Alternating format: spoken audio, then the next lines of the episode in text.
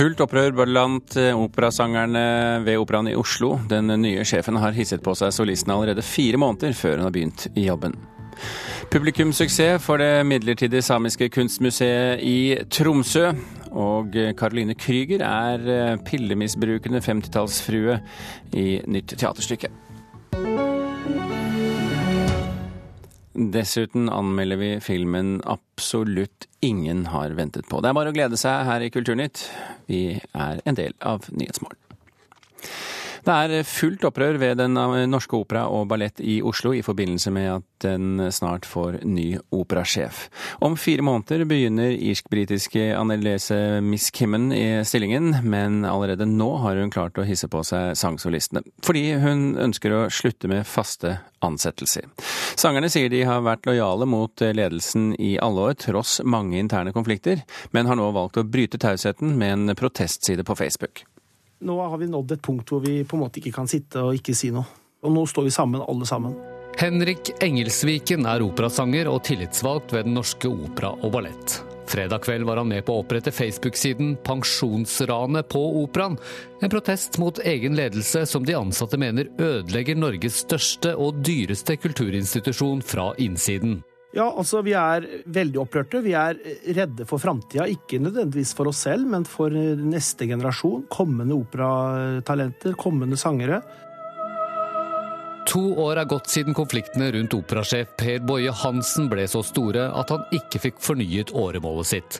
Selv om det ennå er fire måneder til arvtakeren hans, den irsk-britiske Annelise Miskimmen, er på plass, har hun allerede nå rukket å hisse på seg operasolistene. Før det har Miss Kimman av den norske modellen og har skrytt av det norske samfunnet, hvordan vi løser ting på tvers av resten av Europa, hvordan vi er verdens lykkeligste land og er så veldig opptatt av å sette i gang og kunne få lov til å jobbe et sånt sted. Hvorpå det første å gjøre da, er altså å gå inn for å bryte arbeidsmiljøloven. Kort fortalt handler saken om hvor mange fast ansatte sangsolister operaen skal ha.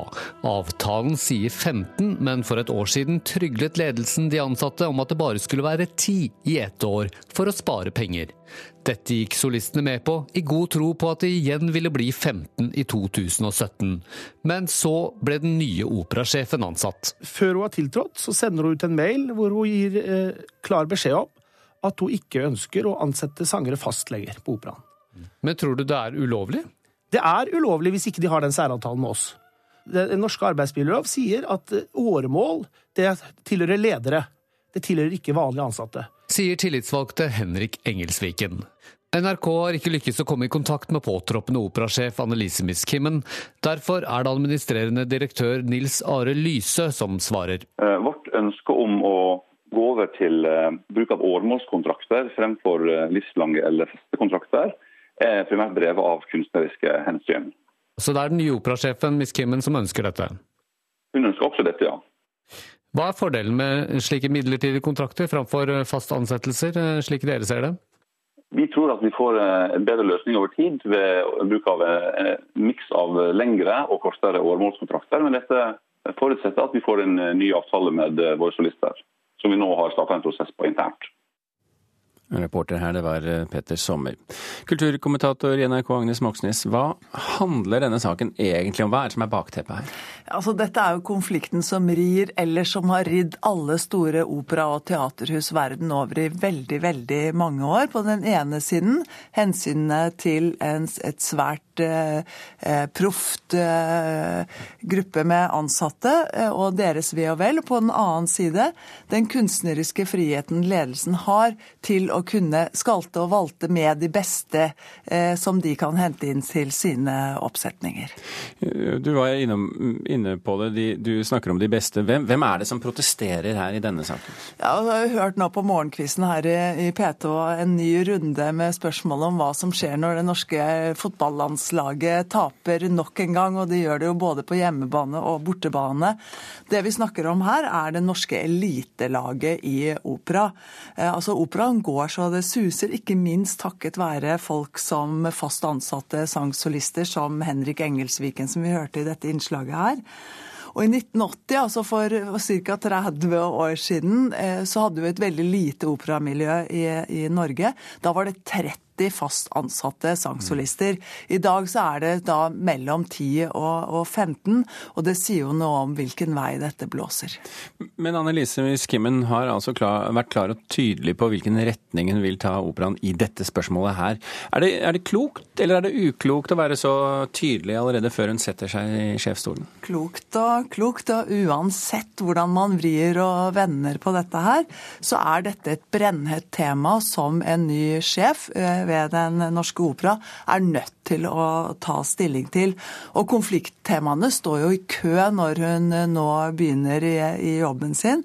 Eh, for det er ikke bare spørsmål om faste ansettelser, det er også spørsmål om pensjonsalder og pensjonsordningene. Hvor stor støtte har hun da i styret og departementet for denne modellen? Vi hørte jo det på det direktør Nils Are Lyse sa her, at hun har støtte, og hun har nok støtte også i styret og hos eierne. Jeg tror det er sånn at nesten alt de kan ta i bruk nå for å få orden på økonomien i på Den norske opera og ballett, det kommer til å bli tatt i bruk. fordi at i prinsippet så er operaen teknisk konkurs. Så hva nå? Ja, nå blåses det opp til kamp. Det er helt tydelig. Eh, en bærekraftig operaøkonomi skal møte de ansattes behov for eh, eh, rettigheter og at deres økonomi skal sikres. Så det kommer til å tøff, bli tøffe tak. Og operasjefen er jo ikke den eneste nye direktøren som begynner nå i 2017. Det gjør også den nye direktøren og den nye musikksjefen. Så de får brynt seg i året som kommer. Vi vet hvor det blir drama i Oslo by i hvert fall. Det er helt sikkert.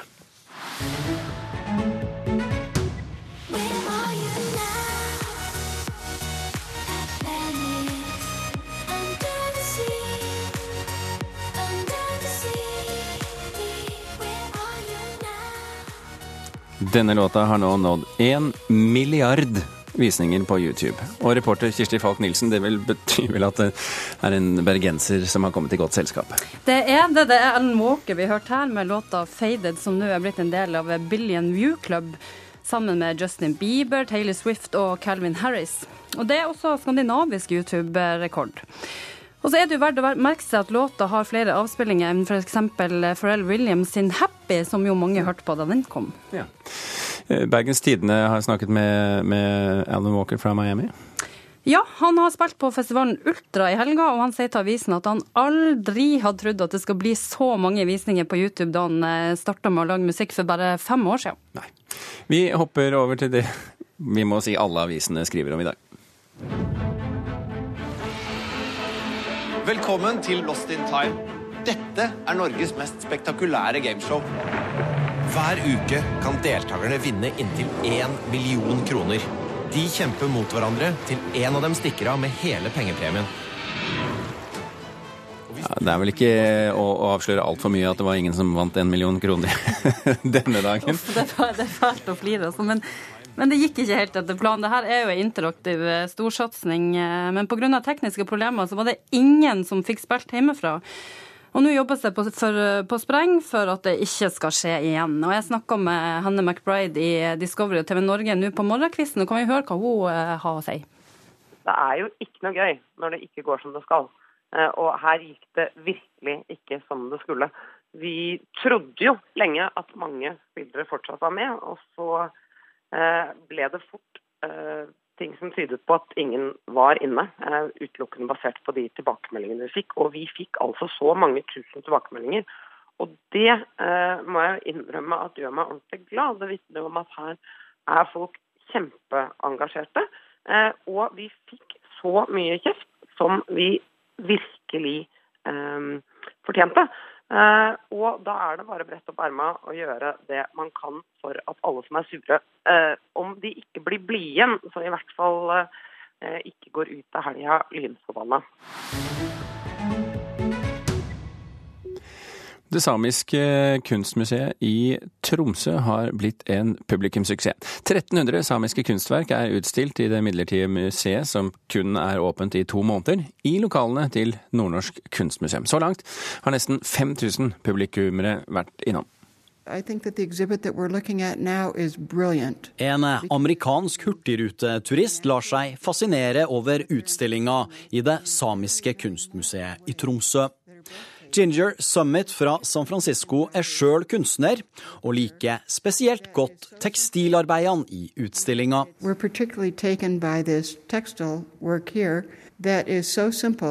And yet it's just inspired. The imagination that has gone into something like this is just brilliant.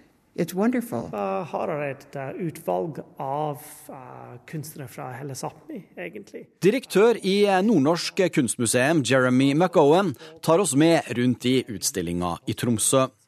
I en periode på to måneder er den permanente samlinga hos Nordnorsk kunstmuseum satt på lager, til fordel for 1300 samiske kunstverk. Prosjektet kalles Sami Daida Musea, og retter søkelyset mot det faktum at det per i dag ikke eksisterer et eget samisk kunstmuseum. Etter halvgått løp har nesten 5000 publikummere tatt turen innom, noe som er rekord for museet. Per i dag er dette da en anledning til å oppleve noe som mange kunne ønske var et hverdagsopplevelse, men per i dag det en helt spesiell opplevelse. Så det er noe at man må få med seg når den er her. Altså, jeg tar det bare som en bekreftelse på at uh, samisk uh, kunst er interessant, det er aktuelt, det tiltrekker. Og det er også et savn at den kunsten ikke har vært stilt ut og ikke har sitt eget hjem. Det sier direktør Anne-Mai Olli ved Riddo Duattar museum i Karasjok, som til vanlig oppbevarer kunstverkene på utstillinga i Tromsø. De høye besøkstallene viser behovet for et eget permanent samisk kunstmuseum, mener Olli. Og jeg har truffet på personer som har tatt ens ærend til Tromsø for å få sett denne utstillinga. Så ja, det besøkstallet i Tromsø bekrefter at dette er et uh, samfunnsbehov vi har i dag. Hva syns du om at det ikke eksisterer et eget samisk kunstmuseum? Jeg syns det, det, er synd uh, at på en måte, når man ser på den institusjonshistorikken som har vært, at det kan forstås som at én ting er utelukket enn en, en andre, som er beklagelig. Og så satser vi heller på fremtiden og finner da gode løsninger, slik at vi ikke sitter med dette samme situasjonen 40 år før nå også. Uh, den amerikanske hurtigruteturisten rakk bare deler av utstillinga før turen videre langs norskekysten. Men nok til at nysgjerrigheten på å oppleve mer samisk kunst og kultur ble vekka. Every piece in this exhibit is very, very well chosen. And uh, it shows the Sami art, I think. I don't know the Samis, but I would like to know them after seeing this exhibit. For de som er enig med denne amerikanske turisten, så er uh, det samiske kunstmuseet i Tromsø åpent frem til 16. april. Reporter her, det var Rune Norgård Andreassen. Klokken har passert 16 eh, minutter over åtte. Du hører på Kulturnytt, og dette er toppsakene i Nyhetsmorgen nå. Antall private videregående skoler vokser her i landet. På 15 år er antallet elever doblet. Vi må ha kultur for å si fra når noe er galt på jobben, sier arbeids- og sosialministeren. Nå vil hun skjerpe vernet for varslere. Og de to guttene på fem og seks år som falt i Falkumelva i Skien i går, er lagt inn ved Oslo universitetssykehus med livstruende skader.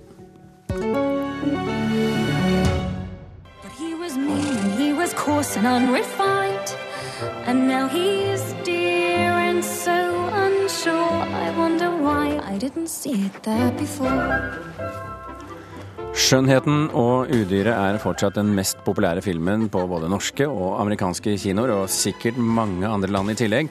Men ikke bare det, nå ligger den an til å bli en av Disneys mest innbringende produksjoner noensinne. To uker Unnskyld. To uker etter premieren har den allerede tjent inn over 750 millioner dollar, og det er mer enn originalen fra 1991 gjorde, også når man tar med relanseringene i 2002 og 2012. Her skal du få et uh, godt råd. Hvis du tror at det er en god idé å se filmen Chips, som hadde premiere denne helgen, så skal du tro om igjen. Ifølge vår anmelder Birger Vestmo er det en møkkafilm med lave ambisjoner, laber utførelse og plagsom produktplassering, som til og med svir i øynene. Filmen Chips Crazy Patrol eh, er forferdelig. Sky den som pesten, sier Vestmo. Clay, you're back already, dude? That's great. You fucking Whoa, asshole. that's a weird way to thank me for saving your life, buddy, but you're welcome. Oh, shooting me was an act of kindness. Chips er en amerikansk TV-serie fra 1970-tallet som få bryr seg om i dag. Chips Crazy Patrol er en filmatisering som ingen har venta på. Den hadde derfor all muligheter til å glede og overraske, men gjør ingen av delene. Regissør, manusforfatter og hovedrolleinnehaver Dax Shepherd fremstår som en fattig komiker som verken kan regissere, skrive eller spille godt nok. Chips Crazy Patrol er et stakkarslig forsøk på å kapitalisere på en merkevare som kanskje ikke hadde særlig stor verdi i utgangspunktet. Denne filmen burde tatt veien utenom kino og gått rett til TV-skjermen. California Highway Patrol. Ask for helping that armored car job.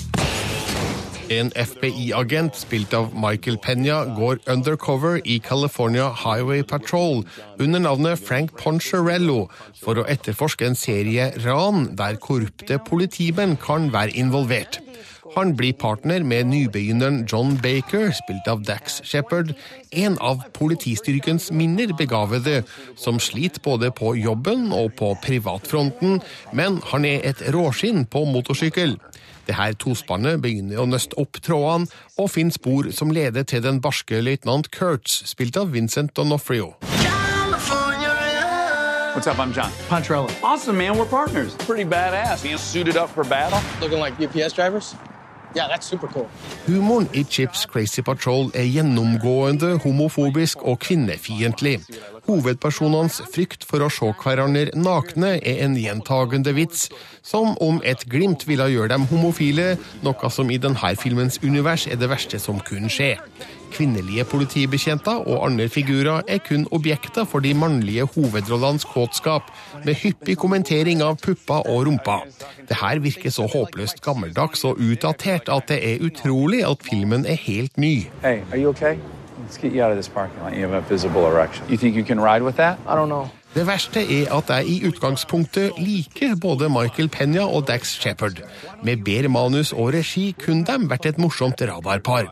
Dessverre er ramma rundt persongalleriet for tynn og svak til å vekke noen grad av engasjement.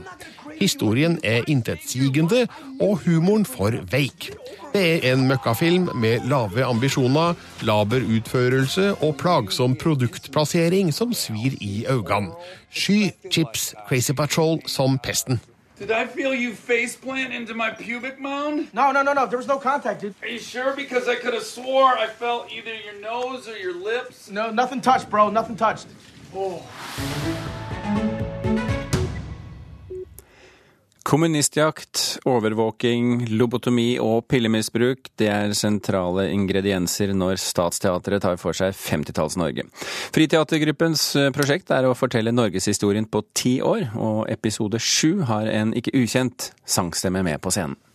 Det var liksom skremselpropaganda i forhold til kommunisme, og dette var jo liksom det store skremmende uhyret på den tida. Pillespisende og paranoide Astrid, spilt av Caroline Krüger, ser antikommunistisk film på kino med kjæresten, støvsugerselger Frank, spilt av Per Kjærstad. Er du kommunist? Hæ? Hvorfor spør du meg om det? Vi hoppa jo bukk over krigen og, og raste inn i 50-tallet. For det er jo eh, en underbelyst eh, ting i hva som skjedde med, med det norske samfunnet etter krigen. Sier Yngve Sundborg, Statsteatrets regissør og kunstneriske leder. Selv Gerhardsen advarer mot kommunistene. Det er jo ikke bare meg. Gerhardsen. Friteatergruppa øver på sjuende episode i teaterserien De lager om norsk historie, som har premiere på Rogaland teater om en uke, før den skal til Oslo og Møre. Hva førte oss inn til andre verdenskrig, og hva satt vi igjen med etter andre verdenskrig? Det er jo mye mindre snakka om, og kanskje viktigere for oss som samfunn, enn at vi skal snakke oss i hjel om sjølve andre verdenskrig. Caroline Krüger gjester Statsteatrets 1950-Spionen. Hun erstatter Cato Skimpton Storengen og har skrevet musikken. Merker jo bare blikken. ikke sant? Altså Alle de gestene man ikke på en måte kan gjøre. Fordi at det var så holdt, og det var så pent. Altså Drømmen om det perfekte livet. At slik skal det være eh, hvis vi bare gjør sånn som reklamen forteller oss. My path has no En ekstrem vekt på overflate og det er nesten ingen som vet om det, men det foregår så enormt masse under den overflaten. Som f.eks. overvåkning, etterretning, og at den etterretninga også finnes i det ledende partiet, Arbeiderpartiet. Forrige forestilling, 1930 Diktatoren, ble en suksess både hos publikum og kritikere, og Sundvår tror de har funnet formelen. At det ikke er så mye trykk på det ytre staffasjen, men at de eh, prøver å oppøve enda større grad av artisteri på scenen med enkle virkemidler, og å faktisk ha noe å si. Det tror jeg faktisk folk hungrer etter. Nå gjenstår 1980, 2010 og Framtidsfabelen 2066. Det som er hovedpoenget, det er å bruke historisk materiale for å se om det gir noen resonans i den tida vi lever i. Hva kommer vi fra, og hva slags samfunn går vi kanskje imot? Ja, du hørte Yngve Sundvår til slutt her. Det var reporter Anette Johansen Espeland som hadde laget denne saken. Vi skal holde oss litt i teaterverdenen, for spørsmålet som dukker opp på Det Norske Teatret i Oslo, det er hvordan takler man nå egentlig sorgen etter å ha mistet noen 22. juli? Det er spørsmålet Britt Bildøen stilte i romanen Sju dager i august, som hun for øvrig fikk P2-lytternes romanpris for i 2014. Og det er altså dette spørsmålet som nå kommer opp på Det Norske Teatret i Oslo. Og en av de sangene som er med på å lydlegge denne forestillingen, det er denne.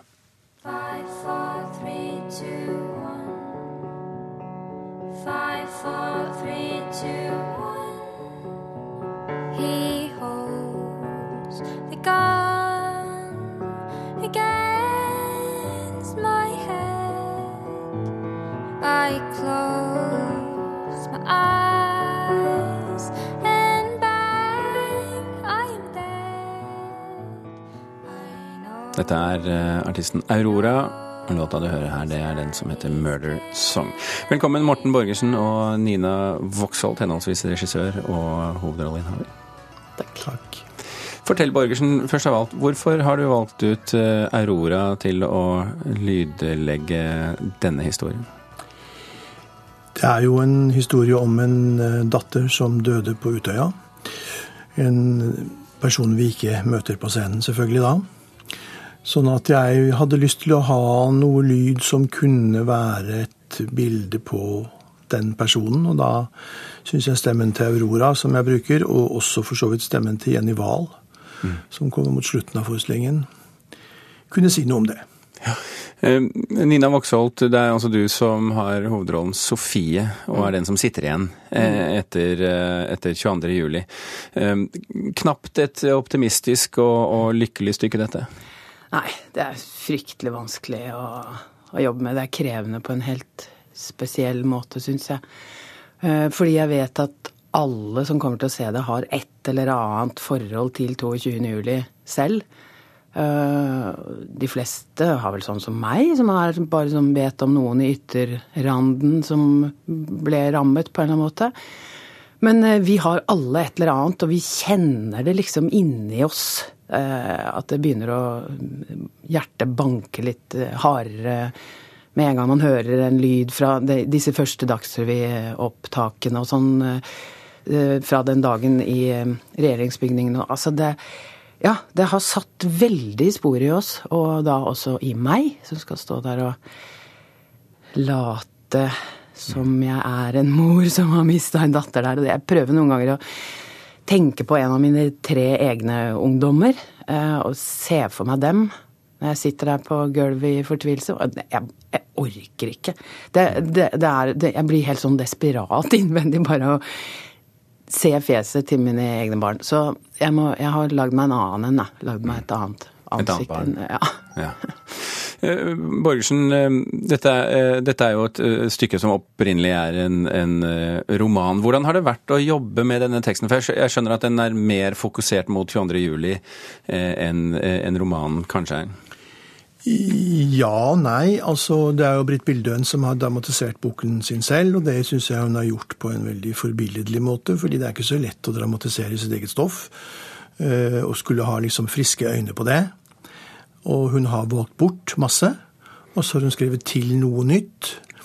Eh, Så har hun kanskje gjort akkurat fokuseringen på, på reaksjonene, etterreaksjonene rundt det som skjedde, enda sårere, enda skarpere i dramatiseringen. Pluss at hun kanskje i enda større grad fokuserer tettere inn på hva som skjer med dette ekteparet. Altså deres etter hvert dysfunksjonalisme eh, som par. Eh, sånn at det er jo like mye en historie om hvordan håndterer du sorg i et forhold. Voksholt, eh, hva ønsker dere å formidle? Hva ønsker du, Dette er jo din rolle, ikke sant? Eh, Og du har også, som nevnt, her en, en mann. Men hva ønsker du å eh, formidle til publikum? Hva er det de skal gå ut av salen med? Ja, ehm, jeg syns at det er veldig vanskelig. For eh, hvorfor i all verden vil vi gjøre dette her? Hva skal vi med dette? Få det vekk? Jeg, jeg vil ikke ha noe med det å gjøre i det hele tatt.